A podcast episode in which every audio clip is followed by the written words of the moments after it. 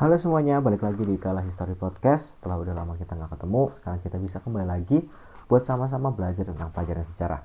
Untuk episode yang ini, Kala History Podcast ngebahas materi sejarah kelas 11 yaitu mengenai penjelasan minggu lalu yang sempat terhambat, yaitu mengenai perjanjian Tuntang.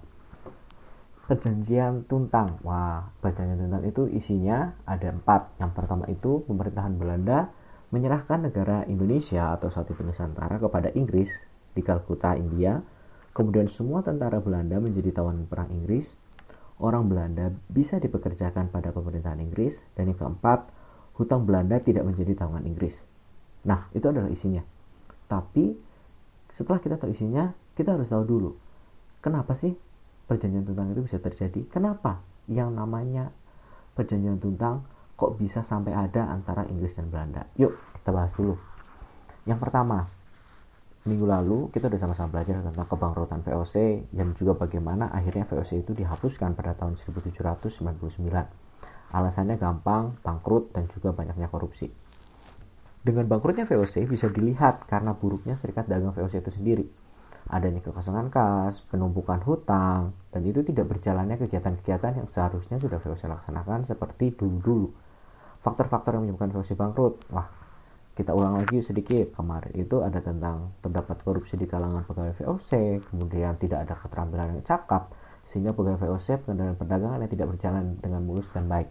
Jadi wrong man at the wrong place. Orang yang salah di situ di, di tempat yang salah. Jadi nggak pas. Kemudian banyak juga hutang VOC akibat peperangan dengan rakyat pribumi. Masih ingat kan tentang bagaimana perlawanan rakyat Banten terus bagaimana perlawanan rakyat Maluku ditambah juga peperangannya sama Inggris. Nah, inilah bikin alasan kenapa perjanjian tuntang itu bisa terjadi. Kemudian, menurunnya moral para penguasa yang diakibatkan oleh sistem monopoli. Nah, jadi sistem monopoli yang harusnya menguntungkan buat Belanda malah kemudian dicatut dan dipergunakan untuk menguntungkan diri sendiri. Selanjutnya, pengiriman wajib atau kalau di dalam bahasa Belanda kalau nanti kalian cari-cari di internet atau baca buku itu disebut dengan verplichterleverantie nah kalau salah saya minta maaf saya bukan keturunan Belanda. Sekarang balik lagi. Awal mulanya karena bangkrutnya VOC maka Kaisar Prancis Napoleon Bonaparte yang saat itu kemudian um, memberikan kekuasaannya kepada yaitu Louis Bonaparte untuk menjadi raja di Belanda. Raja Louis Bonaparte kemudian memerintahkan Herman Willem Daendels untuk menjadi gubernur jenderal Hindia Belanda. Nah, catatan Herman Willem Daendels itu dipilih oleh Raja Louis Bonaparte itu sendiri. Tugas Herman Willem Daendels itu mempertahankan Pulau Jawa dari serangan Inggris dan membereskan keuangan pemerintahan. Akhirnya, cara yang dilakukan oleh Daendels adalah menjual tanah negara kepada swasta untuk menstabilkan keuangan. Hal itu merupakan pelanggaran undang-undang maka dengan adanya itu Herman Willem Daendels digantikan oleh Jensen. Kenapa? Karena menurut undang-undang yang berlaku, tanah itu nggak boleh jadi punya swasta. Tanah negara itu yang maksudnya punya VOC ini, Nusantara ini, itu harusnya dimiliki sama siapa? Sama Belanda itu sendiri. Yang mengoperasikan ya harus yang punya Belanda sendiri ya kasarnya BUMN-nya lah nggak boleh perusahaan swasta. Nah inilah yang kalau kalian pikir oh kenapa ya Willem Daendels lagi jaya-jayanya dan bagus-bagusnya bikin uh, bikin kemajuan di bidang ekonomi, sosial, politik kok bisa digantikan ya karena ini alasannya, pelanggaran undang-undang itu sendiri. Kemudian digantikan oleh Jensens. Jensens tidak bertahan lama karena pasukan Inggris kemudian menyerang pada tanggal 26 Agustus 1811. Tidak banyak dilakukan Jensens kecuali dengan ke Bogor. Kemudian dari situ dia menarik pasukan uh, dia menarik mundur pasukannya ke daerah Semarang. Dengan adanya tambahan pasukan Eropa yang ada di Semarang dan Surabaya beserta prajurit tapi tetap aja serangan menggempur juga nggak kecil. Akhirnya kemudian ya bisa dibilang pasukannya si Janssens ini kemudian kalah. Dan dari situlah kemudian muncul yang namanya uh, perjanjian tuntang. Kenapa muncul dari perjanjian tuntang? Karena Janssen yang waktu itu sedang memberikan gempuran kepada pasukan Inggris dipaksa mundur sampai ke suatu daerah yang bisa yang disebut dengan daerahnya namanya Tuntang. Nah oke okay, kemudian Dampak perjanjian tuntang. Nah, inilah alasan. Perjanjian tuntang membuat babak yang baru bagi pendudukan bangsa Indonesia oleh bangsa Inggris. Dalam kurun waktu lima tahun dari tahun 1811 kekalahan Johnson tadi sampai tahun 1816, nah Inggris itu yang pegang roda pemerintahan dan kekuasaannya di Nusantara. Pada masa kekuasaan Inggris di situ, nah dipimpin sama Thomas Stanford Raffles sebagai Letnan Gubernur Jenderal di Indonesia. Pemilihan Inggris kemudian memperlakukan beberapa poin. Ini yang kita sudah bahas kemarin. Tapi kita ingat-ingat lagi. Yang pertama dia menghapus wajib pajak dan kerja paksa karena menurutnya nggak manusiawi. Kemudian rakyat bebas menentukan tanaman yang akan ditanam. Tanah adalah milik pemerintah, sedangkan petani merupakan penggarap dan bupati adalah pegawai pemerintah. Pemerintahan Inggris ditandai dengan adanya perjanjian tuntang antara Inggris dengan Belanda. Kemudian juga jadi pemerintahan Inggris di Indonesia itu dimulai dengan perjanjian di, di dibuatnya perjanjian tentang sampai kemudian diakhiri sampai pengembalian Indonesia atau pengembalian Nusantara terhadap Belanda. Nah, itulah tadi sekilas tentang perjanjian tentang. Sekarang kita masuk dulu membahas tentang apa saja sih yang Inggris lakukan di Indonesia selama penjajahan. Kita akan kembali ngebahas Ketika Raffles datang ke Indonesia, dia itu berusaha untuk melakukan langkah-langkah memperkuat kedudukan Inggris di tanah jajahan. Di dalam rangka menjalankan pemerintahannya, Raffles memegang pada tiga prinsip. Yang pertama, segala bentuk kerja rodi dan penyerahan wajib pajak harus di, uh, penyerahan wajib wajib dihapus, kemudian diganti dengan penanaman bebas oleh rakyat. Yang tadi ke, kemudian kedua peranan para bupati. Sekarang kita masuk ke dalam pembahasan model penjajahan Inggris di Indonesia kalian bisa sambil lihat PPT yang sudah dikasih atau boleh juga cuma sampai uh, sambil ngedengerin podcast yang saya buat ini. Guru jenderalnya secara resmi uh, mengangkat Thomas Stafford Raffles atau Sir Thomas Stafford Raffles itu sebagai Letnan Jenderal Gubernur di Nusantara. Kemudian, Raffles mulai melakukan langkah-langkah yang memperkuat kedudukan Inggris di tanah jajahan. Dalam rangka mempertahankan pemerintahannya, Raffles berpegang pada tiga prinsip, Persiapan pertama itu segala bentuk kerja rodi dan penyerahan wajib pajak itu harus dihapus, diganti dengan penanaman bebas oleh rakyat. Kemudian, yang kedua, peranan para bupati sebagai pungut pajak dihapuskan dan para bupati dimasukkan sebagai bagian dari pemerintah kolonial. Ketiga, atas dasar pandangan bahwa tanah itu milik pemerintah, maka rakyat menggarap uh, atau rakyat yang menggarap dianggap sebagai penyewa Nah, berangkat dari prinsip itu, Raffles melakukan beberapa langkah baik yang menyangkut bidang politik maupun bidang juga sosial ekonomi. Di dalam bidang pemerintahan, yang pertama kita akan bahas. Jadi begini, secara geopolitik, waktu itu Jawa sudah dibagi menjadi 16 karisidenan. Selanjutnya, untuk memperkuat kedudukan dan mempertahankan keberlangsungan kekuasaan Inggris, Raffles mengambil strategi membina hubungan baik dengan para pangeran dan penguasa yang sekiranya membenci Belanda. Oke, jadi dia memakai kebencian sebagai buat apa? Buat motivasi biar apa? Biar mereka bisa diajak kerjasama, biar mereka punya satu aliran yang sama dengan Inggris yaitu sama-sama benci dengan Belanda. Strategi ini sekaligus sebagai upaya untuk mempercepat penguasaan Pulau Jawa sebagai basis kekuatan untuk menguasai kepulauan di seluruh Nusantara. Jadi, Raffles punya anggapan kalau Jawa sudah dikuasai, maka itu akan jadi starting point untuk bisa kuasain pulau-pulau yang lainnya.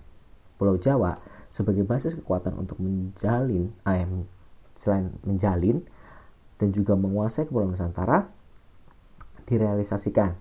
Kemudian Raffles berhasil menjalin hubungan dengan raja-raja Jawa dan Palembang untuk mengusir Belanda dari Hindia atau Nusantara. Tetapi nampaknya Raffles itu tidak tahu balas budi. Nah, jadi gini. Setelah Raffles itu berhasil mengusir Belanda pakai bantuan raja-raja Jawa dan juga raja-raja Palembang, Raffles itu tidak membalas jasanya dengan bisa dibilang sepenuh hati. Kenapa? Diambil contoh itu dari yang Raja Palembang. Jadi begini, waktu itu Raja Palembang itu yang namanya uh, Raja Baharudin. Raja Baharudin itu termasuk raja yang banyak jasanya terhadap Raffles dalam mengenyahkan Belanda dan Nusantara. Tapi si Raffles itu malah ikut mendukung usaha naiknya Najamuddin, saingannya Raja Baharudin sebagai Raja Palembang. Kemudian Raffles tidak cuma ngacak-ngacak kekuasaan dari kerajaan Palembang. Waktu Raffles berkuasa, konflik di lingkungan Istana Kesultanan Yogyakarta nampaknya belum surut. Sultan Sepuh yang pernah dipecat oleh Dendels menyatakan diri kembali sebagai Sultan Hamengkubuwono II dan Sultan Raja dikembalikan pada kedudukannya sebagai putra mahkota. Tapi si Sultan Raja itu nggak mau, nggak suka dia sama tindakan ayahnya atau yang bisa kita sebut dengan Sultan Hamengkubuwono II. Melalui seorang perantara yang bernama Babah Jensing, Sultan Raja mengirim surat kepada Raffles. Surat itu isinya melaporkan bahwa di bawah pemerintahan Hamengkubuwono II, Yogyakarta itu jadi kacau dengan adanya Raja Hamengkubuwono II. Dengan membaca isi surat itu, nah Raffles menyimpulkan bahwa Sultan Hamengkubuwono II adalah seorang yang keras dan tidak mungkin diajak kerjasama. bahkan bisa jadi akan menjadi duri dalam pemerintahan Raffles di tanah Jawa. Oleh karena itu, tindakan yang diambil bisa dibilang cukup nekat. Raffles mengirim pasukan di bawah pimpinan Kolonel Gillespie untuk menyerang keraton Yogyakarta dan memaksa Sultan Hamengkubuwono II untuk turun tahta. Dan akhirnya berhasil, Sultan Hamengkubuwono II berhasil diturunkan dan Sultan Raja dikembalikan sebagai Sultan Hamengkubuwono III. Sebagai imbalannya ini, Hamengkubuwono III harus menandatangani kontrak bersama Inggris. Isinya adalah begini, yang pastinya akan sangat merugikan. Yang pertama, Sultan Raja secara resmi ditetapkan sebagai Sultan Hamengkubuwono III dan Pangeran Natakusuma, saudaranya Sultan Sepuh yang tadi naik, yang pertama, ditetapkan sebagai penguasa tersendiri di wilayah bagian dari Kesultanan Yogyakarta dengan gelar Paku Alam.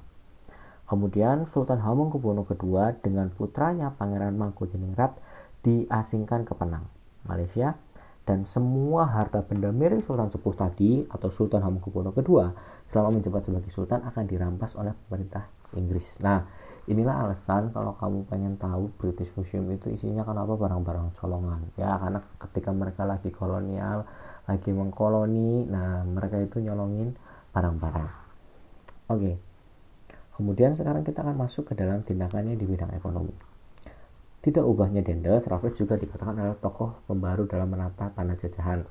Nah, kalau kalian mungkin bilang, oh tapi di minggu lalu kok dibahas? Raffles ini nggak pinter, Raffles ini kurang cerdas dalam um, uh, mengatur pemerintahan di bidang ekonomi dibanding dengan Daniels. Oke, kita akan lihat dulu sekarang.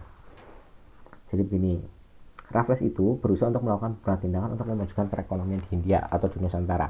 Tetapi dalam program itu tujuan utamanya untuk meningkatkan keuntungan pemerintahan kolonial. Beberapa kebijakan dan tindakannya yang dijalankan itu seperti berikut. Pertama, yang tadi dibilang pelaksanaan sistem sewa tanah atau pajak tanah land land land rent ya yang kemudian meletakkan dasar bagi perkembangan sistem ekonomi uang, katanya. Penghapusan penyerahan wajib hasil bumi, kemudian penghapusan kerja rodi dan perbudakan, kemudian penghapusan sistem monopoli dan peletakan desa sebagai unit administrasi penjajahan. Kebijakan dan program lantren ini, lantren atau sewa tanah, dicanangkan oleh Raffles tersebut terkait dengan eratnya pandangannya dia mengenai status tanah sebagai faktor produksi. Menurutnya Raffles, pemerintah adalah satu-satunya pemerintahan yang sah orang itu nggak boleh punya tanah sebenarnya ini bau-baunya bau-bau ini ya komunisme oleh karena itu, sudah selayaknya apabila penduduk Jawa menjadi penyewa dengan membayar pajak sewa tanah dari tanah yang diolahnya. Pajak dipungut perorangan, tetapi karena kesulitan teknis, ya karena orangnya banyak banget dan pekerjaannya sedikit, kemudian dipungutnya per desa. Jumlah pungutan disesuaikan dengan jenis dan produktivitas tanah hasil tanah kelas 1 itu yang bagus banget buat nanam itu dibebani 50% pajak. Kelas 2 40% kelas 3 33% nah sementara untuk tegalan itu kelas 1 itu 40% kelas 2 itu 33% dan kelas 3 nya itu 25% beban rakyatnya sebenarnya ini jauh lebih berat karena bentuknya uang. Karena pada zaman itu kalau dipertimbangkan sebenarnya untuk cari uang lebih susah. Orang lebih gampang buat tanam sayur daripada tanam uang iyalah ditanam sayur gitu tumbuh dikasih lebih gampang sebenarnya daripada cari uang. Nah pajak yang dibayarkan oleh penduduk ini diharapkan berupa uang. Namun jika terpaksa dapat juga dibayar dengan barang lain misalnya beras. Pajak yang dibayarkan dengan uang diserahkan kepada kepala desa untuk kemudian disetorkan ke kantor residen. Sedangkan pajak yang berupa beras dikirim ke kantor residen setempat yang bersangkutan atas biaya sendiri Hal ini dimaksudkan untuk mengurangi ulah pimpinan setempat yang sering memotong atau mengurangi penyerahan hasil panen. Jadi sebenarnya Raffles sudah tahu karena udah terlalu lama diajarin praktek monopoli dan korupsi dari atas dari VOC zaman itu. Makanya ini juga alasan kenapa Bupati jadiin pegawai negara biar apa biar nggak sama biar kekuasaannya bisa dikontrol. Kalau mereka jadi tunggal, mereka masih berkuasa atas gelar kebangsawanan ya mereka bisa semena-mena sama rakyat dan selain itu juga karena mereka itu pegawai mereka itu digaji. Nah jadi biar apa biar nggak jelalatan. Kembali lagi pelaksanaan sistem land rent itu diharapkan dapat lebih mengembangkan sistem ekonomi uang yang ada di Hindia Belanda. Kemudian ditempatkan desa sebagai unit administrasi pelaksana pemerintah maksudnya biar desa menjadi lebih terbuka hingga bisa berkembang. Kalau desa berkembang, maka produksi juga bisa meningkat, hidup rakyat bertambah baik, sehingga hasil penarikan pajak tanah juga akan bertambah besar. Raffles juga ingin memberikan kebebasan bagi para petani untuk menanam tanaman yang sekiranya lebih laku di pasar dunia, seperti kopi, tebu. Nah, ini ada hubungannya sama Raffles yang tadi saya bilang, dia itu lebih di kalangan terdidik. Mereka dia itu sebenarnya pengen orangnya itu um, orang atau rakyatnya itu bisa maju karena dia juga punya pandangan yang sama tapi tidak berhenti sampai di situ dia itu tidak ingin cuma bikin maju apa dia juga itu pengen meningkatkan kemakmuran tetapi untuk pelaksanaannya itu banyak kendalanya budaya dan kebiasaan petani sulit diubah pengawasan pemerintahnya juga kurang dalam mengatur rakyat peran kepala desa dan bupati lebih kuat daripada sistem residen yang berasal dari orang-orang Eropa Raffles juga sulit untuk melepaskan kultur sebagai penjajah. Kerja rodi, perbudakan, dan monopoli masih juga dilaksanakan. Misalnya kerja rodi dalam pembuatan perbaikan jalan ataupun jembatan. Raffles juga melakukan, ya itu tadi, monopoli garam. Tetap aja harus monopoli lah secara umum dapat dikatakan Raffles ini kurang berhasil dalam mengendalikan tanah jajahan sesuai dengan idenya. Pemerintahan Inggris tidak mendapat keuntungan yang berarti, sementara rakyatnya tetap menderita karena dia itu tadi bisa dibilang lebih ke arah orang yang punya ide tapi dalam pelaksanaannya sulitan itu yang tadi nggak sejalan antara ide sama pelaksanaan yang dia lakukan idenya cemerlang bagus banget sedangkan pelaksanaan yang didapat eh kacau balau kasihan juga sih sebenarnya. Kalau bisa diterapkan sebenarnya dia punya pelaksanaan yang cukup bagus ya. Tapi itu tadi udah dijajah sama VOC kelamaan akhirnya punya kebiasaan apa? Kalau nggak dipaksa nggak mau. Kalau nggak ada duitnya nggak mau. Kalau nggak monopoli nggak mau. Selain itu Raffles juga itu base-nya itu ilmuwan. Raffles itu sangat memperhatikan yang namanya bahasa dan juga adat istiadat masyarakat di Jawa terutama. Dia juga belajar tentang antropologi dan juga botani antropologi itu tentang manusia botani itu ya tanam-tanaman makalah-makalahnya itu dia malah lebih banyak bikin tentang apa? Makalah-makalah. Yang sebenarnya um, lebih jauh bagus dihasilkan daripada apa? Tanggung jawabnya sebagai seorang letnan gubernur jenderal ini bisa dibilang si Raffles juga termasuk yang oke okay, sampai di sini. Ini kita udah ngebahas tentang si utama Raffles nah untuk apa yang harus kalian kerjakan untuk hari ini kalian bisa lihat di Google Classroom untuk pembelajarannya. Oke terima kasih semua. Sampai ketemu lagi di episode kalau story podcast untuk pertemuan minggu depan